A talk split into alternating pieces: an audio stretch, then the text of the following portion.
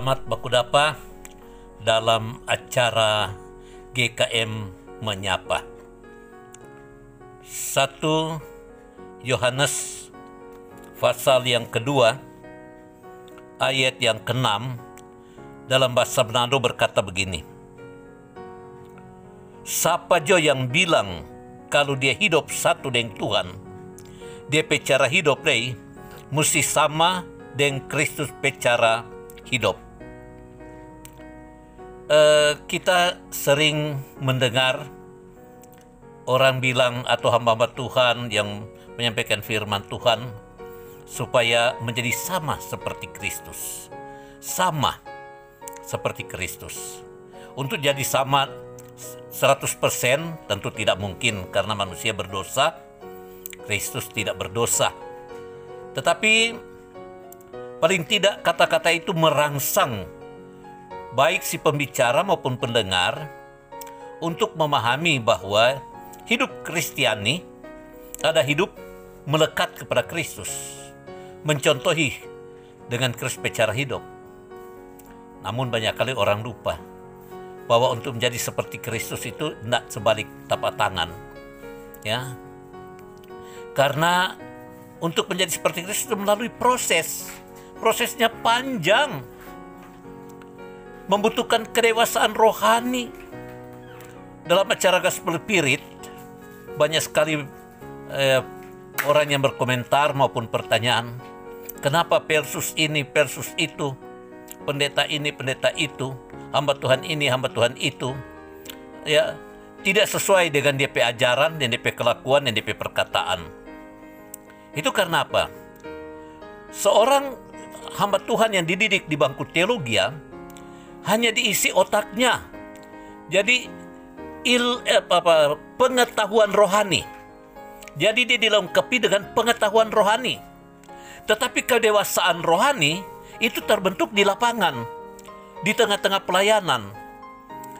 Memang di bangku pendidikan dilatih, tapi latihan itu kan tidak segera terbentuk. Kita cuma diperlengkapi bagaimana merendahkan diri di hadapan Tuhan, bagaimana mengerti dengan sesama. Kita diperlengkapi dengan ilmu teologi tentang Tuhan, bicara-bicara tentang Tuhan. Kita diper, diperlengkapi dengan karakter supaya karakter itu harus e, berubah ya. Tapi untuk karakter berubah itu tidak secepat terbentuk dengan perkataan e, tapi dengan proses yang panjang. Dan kemudian diajar tentang sosiologi, ilmu kemasyarakatan, budaya, psikologi dan juga pendidikan-pendidikan uh, yang lain, ilmu-ilmu yang lain, kita diperlapaki dan itu isi di pikiran, pikiran-pikiran rohani dan pengetahuan-pengetahuan umum.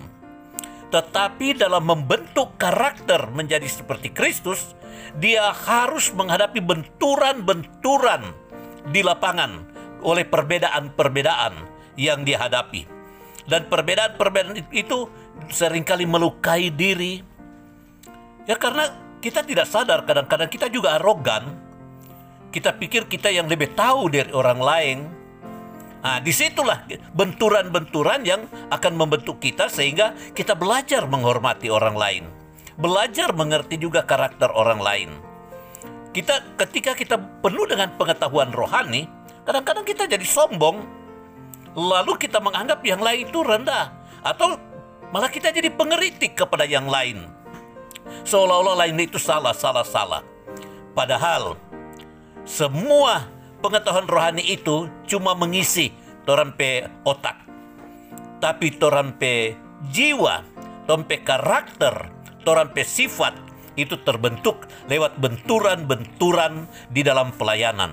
Benturan dengan sesama rekan kerja, benturan dengan atasan, benturan dengan bawahan, benturan dengan uh, orang-orang lain, baik itu benturan dogma, baik juga itu benturan uh, tradisi, uh, benturan kemauan, hobi dan sebagainya. Nah, ketika kita menghadapi benturan, di situlah kita diuji. Apakah pengetahuan rohani kita dapat diparalelkan seperti cara Kristus hidup? Sebab Kristus hidup penuh dengan benturan. Mulai dari kelahirannya, dia sudah tertolak. Dan terpaksa lahir di kandang. Kemudian dia harus dilarikan ke Mesir karena mau dibunuh oleh Herodes. Dan kemudian setelah dia mulai mengajar, ditantang oleh ahli-ahli Taurat, orang-orang Parsisi, sampai di kayu salib. Dia dipaku. Tapi kata yang diucapkan pertama di kayu salib, ya Bapa ampunilah mereka, karena mereka tidak tahu apa yang mereka perbuat.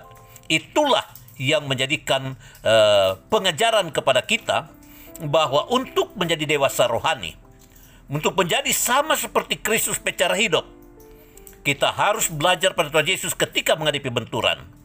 Ya, kita kadang-kadang bela diri dan salahkan orang lain. Itu tidak boleh. Setiap ada benturan, kita bertanya pada Tuhan, Tuhan kenapa jadi ini? Apa maksudmu di dalamku? Nah ini juga saya ingin nasihati kepada hamba-hamba Tuhan yang muda-muda supaya setiap benturan belajar merendahkan diri di hadapan Tuhan, belajar mengerti rekan kerja agar supaya engkau akan diperlengkapi oleh Tuhan menjadi serupa dengan Kristus. Jadi jangan cuma khotbah dari segi teologi, tapi prakteknya berat sekali.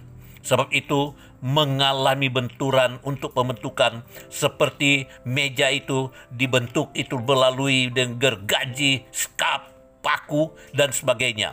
Di situlah menjadi satu mebel yang indah. Seorang hamba Tuhan yang dipakai oleh Tuhan dengan baik, dia lewat benturan-benturan dan dia harus menangkan benturan itu dengan merendahkan diri di hadapan Tuhan dan juga merendahkan diri di hadapan sesama. Merendahkan di sini bukan berarti som, apa eh, menjelekkan diri, bukan. Tapi tidak menyombongkan diri, tidak menyalahkan orang lain dengan gampang.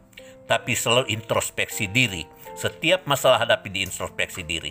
Tuhan Yesus tetap dan terus memberkati. Amin.